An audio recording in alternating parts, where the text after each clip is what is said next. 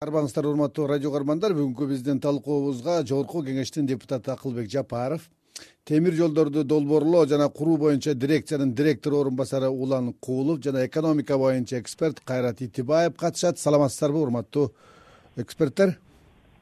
Кутмандуу кечиңер менен. Бар болуңуздар биз бүгүнкү шартка байланыштуу талкуубузду телефон аркылуу жүргүзмөкчүбүз. Менин биринчи суроом улан мырза сизге да мына кечээ жакында э, пандемия шартына карабай э, кытай кыргызстан өзбекстан темир жолун куруу зарылчылыгы борбор азия кытай онлайн жыйынында дагы көтөрүлдү. Э, кыргызстандын президенти бул долбоор биздин өлкөгө стратегиялык ири мааниси бар экендигин айтууда. Деги бул жолдун тагдыры жөнүндө бүгүнкү күндө эмне иш болуп атат? Кайсыл жолдобуз азыр? Кайсы жердебиз? Айтып берсеңиз кытай кыргызстан өзбекстан темир жол долбоору боюнча азыркы убакта үч тараптуу сүйлөшүүлөр уланып жатат. Эксперттер толуктуру ушул акыркы абалга карата видео конференц э, байланыш аркылуу сүйлөшүүлөр жүргүзүп атат. Акыркы убакта үч жол үч ирет сүйлөшүүлөр өттү. Эксперттер арасында ушул темир жолдун маршруту боюнча кайра жүктөө станциясын жайгаштыруу маселеси колея маселеси боюнча сүйлөшүүлөр уланып жатат улан мырза э, эсиңизде болсо мындан бир аз күн мурда эле э, темир жол ушул э, ишканасынын же болбосо мекемесинин башчысынын маалыматы боюнча бул курулуш бир айдан кийин башталат деген маалымат чыкты эле да бирок көп өтпөй ал маалымат сайттардан алынып салынды. Буга эмне себеп болду? Э, бул боюнча бул маалымат боюнча биз түшүндүрүү э, таратканбыз. Ошого таязсак болот туура эмес маалымат чыгып кетти сүйлөшүүлөр уланып атат бирок бул долбоор чыныгы стратегиялык мааниге ээ ошон үчүн көп көгүн бурулуп атат. Эң жогорку деңгээлде эксперттер иштеп атат качан башталаары белгилүүбү? Мындай болжолдуу дата же болбосо убакыт айтылабы? Жок андай дата убакытты айта албайм. Анткени сүйлөшүүлөр аягына чыга элек да. Бир ойго келе элек. Аны менен үч тараптуу сүйлөшүүлөр болуп атат. Ошон үчүн мен андай так датаны айта албайм. Рахмат улан мырза дагы биз байланышта болуп турсаңыз дагы сизге суроолорубуз болот. Кайрат мырза угуп атам угуп атам э, кытай э, кыргызстан өзбекстан темир жолунун долбоору жөнүндө мамлекет башчыларынын өкмөт башчыларынын деңгээлинде мында жыйырма жыл мурда эле башталганында бир сүйлөшүүлөр макулдашууларчы убагында айрым келишимдерге да кол коюлуп иш башталганы деп айтылган эле да. Эмне үчүн бул долбоор мындай ыкчам же болбосо бир э, ишке кирбей атат анын сиз себебин эмнеден көрөсүз эми бул жерде э, эки себеп да. Биринчиден биздин э, кыргыз өкмөтүнүн даярдыгы. Ошо канчалык кудурети жетет. Азыркы күндө көрүп атасыз э, кыргыз темир жолдорунун абалы бул абдан алсыз мамлекеттик ишкана. Жада калса акционердик коом дагы эмес жыйырма тогуз жылдан бери бир дагы километр темир жол куруп алган дагы эмес. Дагы курганга кудурети жетпейт биз келерки беш жылда кураарына көзүбүз жетпейт. Экинчи себеп бул жанагы евразиялык экономикалык биримдик анан орусия жардам берет жардам бербейт ошонун көзүн карап калды да. Казакстанда кызыгар эмес анткени дегенде алар азыр эгемендүүлүк жылдарында эки жарым миңден ашык темир жолун куруп мына э, орусча айтканда сухопутный э, транзитный коридор болуп алышты да анан эми э, бул жерде жанагы кытайдын демилгеси менен көтөрүлүп чыккан инициативанын алкагында транзиттик темир жол курула турган болсо бул жерде биринчиден өзбекстан кызыгаар анткени дегенде алардын экспорттук жөндөмү э, бир топ жогору. Кыргызстан эми биз ал жерден көп деле пайда таппайт экенбиз. Транзиттен алган акчабыз ушу эки жүз миллион доллар деп турат бирок курула турган акчасы эки жүз алтымыш сегиз километрге алты бүтүн ондон сегиз миллиард доллар экен бул эми биз кредит ала албайбыз да мынча акчаны биздин чарбабыз чакан эле. Жалпы биздин карызыбыз эми төрт миллиарддан доллардан өтсө эми анын үстүнө дагы жети миллиард карыз алып биз ошо темир жолду качан анан актап бүтөбүз? Ушундай себептердин айынан бул деген эми ишке ашпай турган нерсе деп бул менин оюм ушундай да азыркы күндө эми бул кейинди бергиле биз деген силерге кредит берели анан ушу темирди темир жолду салып берели деген сөздөр болуп атат. Бирок бул бизге таптакыр э, жат позиция да бизге бул кыргыз э, элинин э, кызыкчылыгына туура келбейт жана экономикалык жактан дагы туура эмес деп эсептейм. Кайрат мырза кызыкчылык демекчи сиз сөзүңүздө орусияны кеп кылып кеттиңиз. Мына бул жолдун башталбай жатышына ушул орусиянын дагы бир таасири барбы? Э, тоскоолдук кылып жаткандыгы тууралуу же болбосо башка бир ойлор айтылып жүрбөйбү? Андай тоскоолдук эми бар эле. Кечээ күнү эле орусия мейли биз макулдук беребиз. Эми биз дагы жардамдашалы деп айтып калганын себеби бул азыркы күндө орусия акыркы алты беш жылдан бери санкциядан жапа чегип анан кийин ошо кытай менен бир кандайдыр алака түзүп экономикалык карым катнашты күчөтөйүн деген экен эми бул жердеги мындай объектпиз да субъект эмеспиз. Ошон үчүн жанагы акыркы алты жылда биз кыргызстан жанагы евразиялык экономикалык биримдигине кириши анан ошо биримдик менен жанагы кытайдын one belt one road деген инициативасын сопряжениясы деп орусча айтканда баягы экөө айкалашканы деп туруп анан кийин бул жерде ушундай мааниге келтирип туруп анан кийин э, макул анда биз макулдугубузду берели деген эле сөз болду да. Анткени дегенде каалайбы каалабайбы орусия азыркы күндө жанагы транссибирдик э, транзиттик өзүнүн темир жолунун мааниси жылдан жылга э, азая баштады эми аны диверификация кылып биз эми каяка бармак элек каяка эле жоголмок эле деп биз эми көз каранды болуп калдык да. Орусиянын астында. Анан кийин булар э, мындай кененирээк карап туруп анан макулдугун бергенин белгиси да. Өткөн жылдан бери ошого жалпы каражаттарында айтылып жүрөт орусия макулдугун берип атат. Эми ошондуктан азыр кайрадан бул сүйлөшүүлөр активдүү э, жүрө баштады депчи.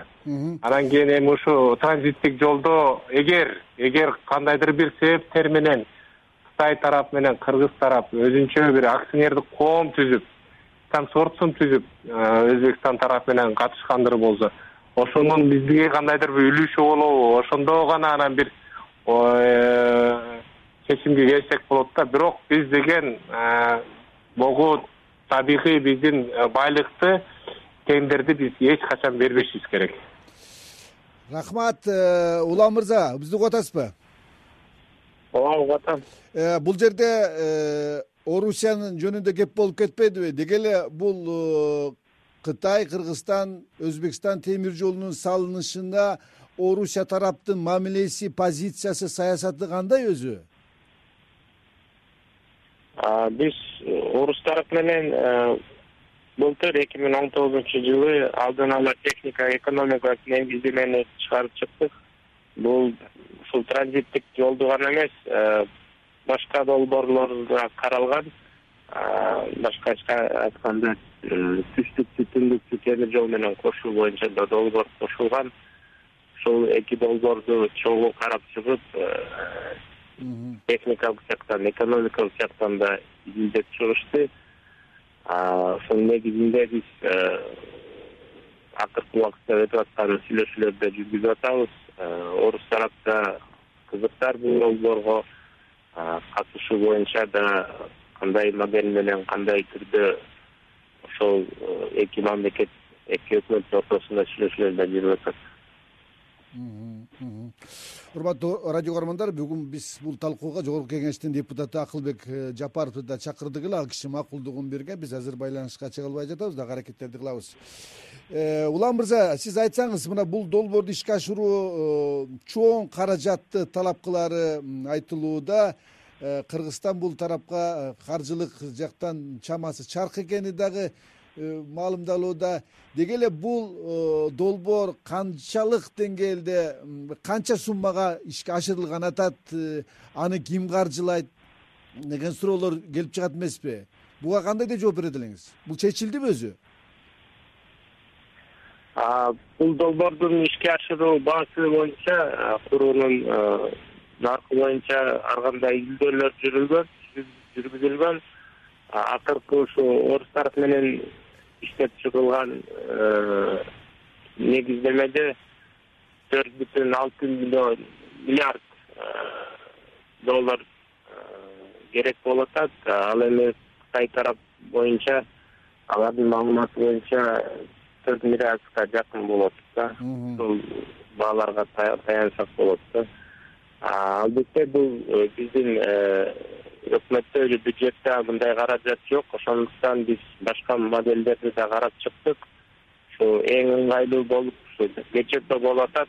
Мамлекеттин жана жеке менчик компаниялардын э, өнөктөшү.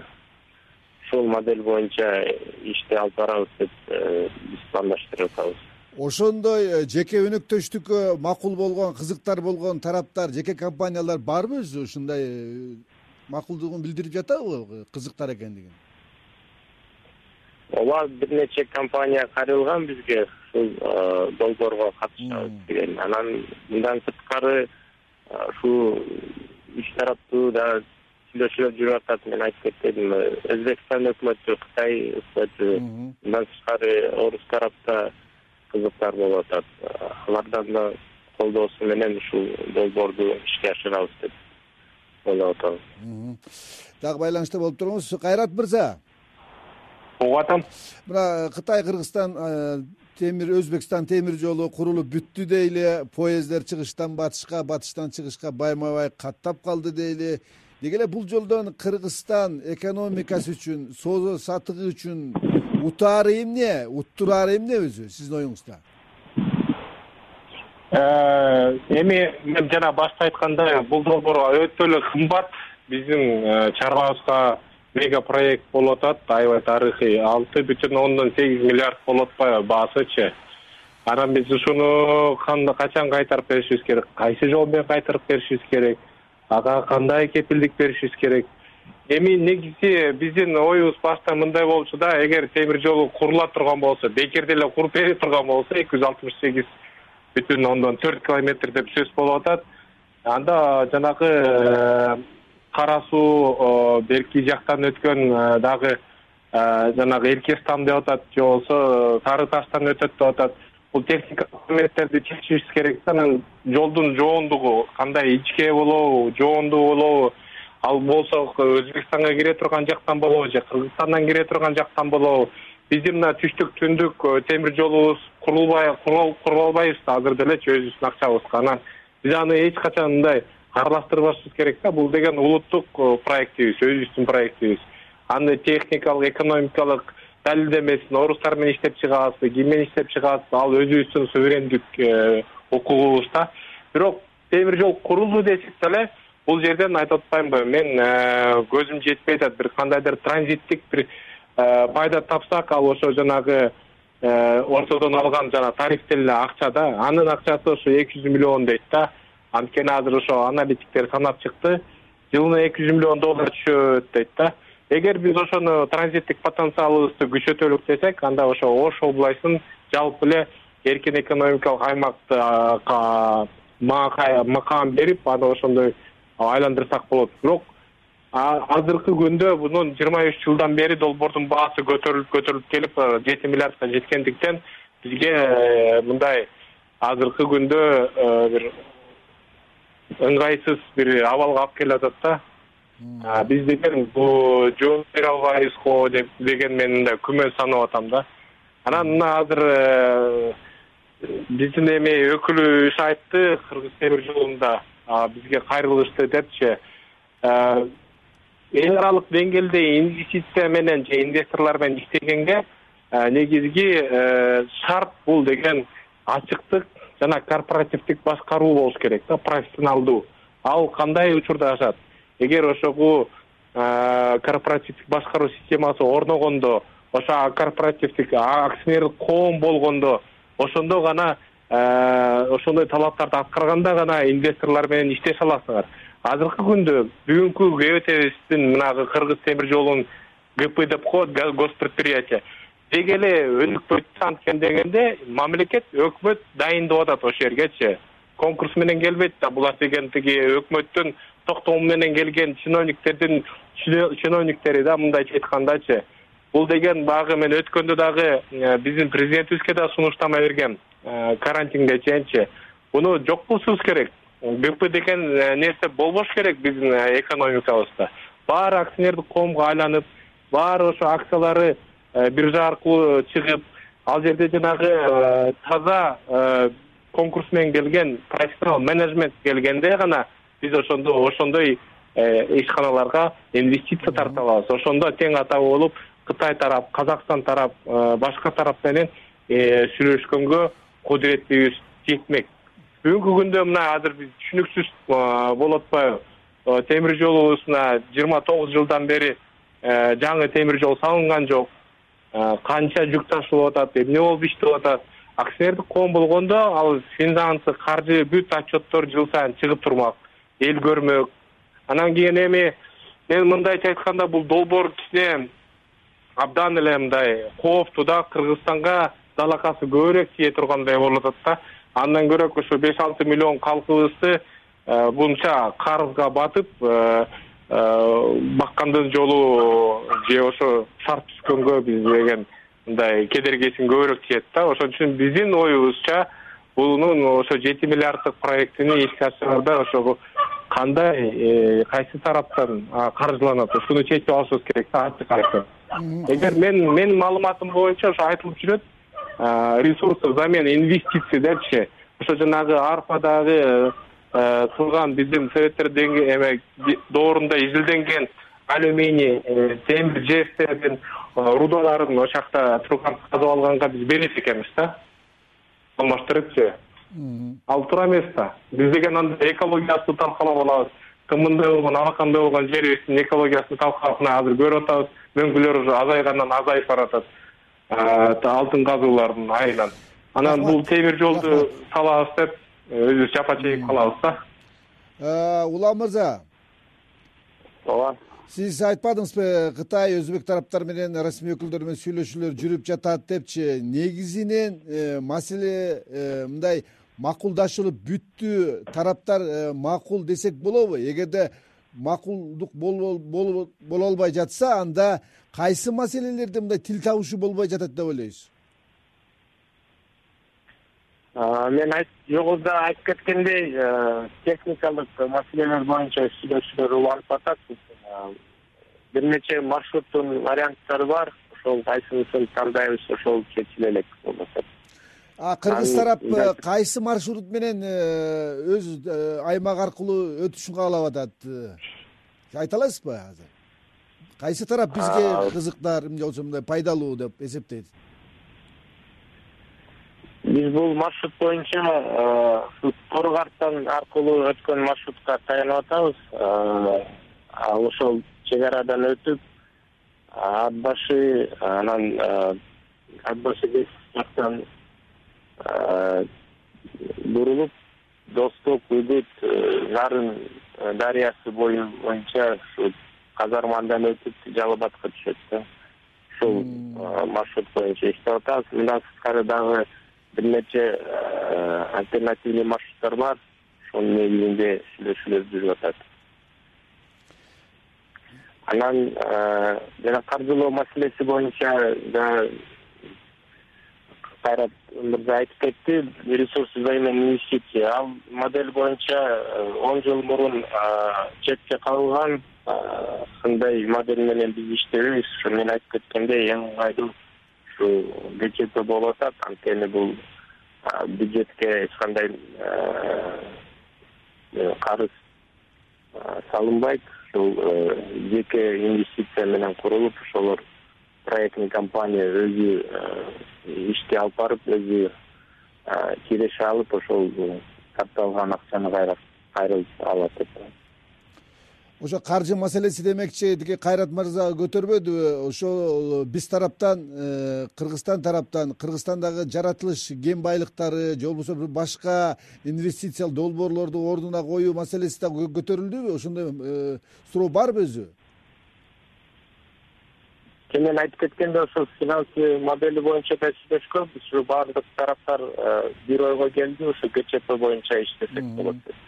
А тиги кең байлыктарды колдонбойбуз бул долбоорго алар тиешеси жок анда кайрат мырза сиз э, сөздү жыйынтыктап берсеңиз деги эле бул кытай кыргызстан өзбекстан темир жолунун стратегиялык мааниси бар деп атпайбызбы ушундай мааниге чыгарыш үчүн кыргызстан тарап э, өз тарабынан кандай аракеттерди кандай э, салымдарды жасаш керек? Өз кызыкчылыгын бир алдыңкы планга чыгарып алыш үчүн дагычы? Бул жерде мындай сунушум бар да бизде э, терең реформа жасашыбыз керек. Кыргыз темир жолдорун жаңы деңгээлге көтөрүшүбүз керек. Корпоративдик башкаруу системасын киргизишибиз керек. Аны акционердик коом кылып аны бир жаңышынакай бир деңгээлге чыгарып алсак э, ал э, бизге э, жакшы эле кошумча болмок да экинчи сунушум эми кыргызстан тараптан биз мисалы үчүн жанагы мамлекеттик жекеме өнөктөштүк деген сөздөр болуп атат. Бирок ал азыркы күндө мындай мындайча айтканда фантастикага ээ мааниге ээ маселе да. Азыркы күндө ал эмес мына жөнөкөй эле мектептер эле курулган эмес да кчп аркылуучу анан кийин мен ага иштеп келишине күмөн санайм да. Ошондуктан эми кытай тарапка мындай эле бир сунушту айтышыбыз керек да. Силерге кызыктуу болсо консорциум түзөлү келгиле чогуу корпорация кылып ошол жерден иштейли. Биз тараптан мисалы үчүн ошо жерибизди бирок жерди дагы э, бергенде дагы ижарага биз өзүбүз кепилдик беребиз. Буну өзүбүз коргойбуз депчи анткени эми жана транзиттик э, ошо мисалы айтканда түркменистандан чыккан э, газопроводсу деле келишимде көбүскөдө кол коюп койдурбуз он экинчи он үчүнчү жылдары. Аны көрсөңүз бүт эле бүт кытай тарабына гонконгдо түзүлө турган корпорацияга жанагы жеке менчик охранный бюросу менен берип коюптурбуз да такыр элечи алай аркылуу өтөт экен ал газопроводчу. Ошондой болуп калбасын деген эле бир э, бизде коркунуч ошондой болуп калбасын. Анан ушундай сүйлөшүүлөрдү ачык э, биздин өкмөт э, өткөрүш керек. Биздин позициябызды ачык белгилеп айтыш керек. Биздин кызыкчылыкка биздин позицияга туура келбесе анда биз андай проектиден баш тартышыбыз керек. Канчалык маани болбосун кытай тарапка же өзбек тарапка. Бизге э, биздин кандай бир кедергеси жалакасы тийиге турган болсо биз мындай долбоордон баш тартышыбыз керек. Рахмат урматтуу радио көрөрмандар бүгүн биз кытай кыргызстан өзбекстан темир жолдун курулушунда кыргызстан үчүн олуттуулугу эмнеде?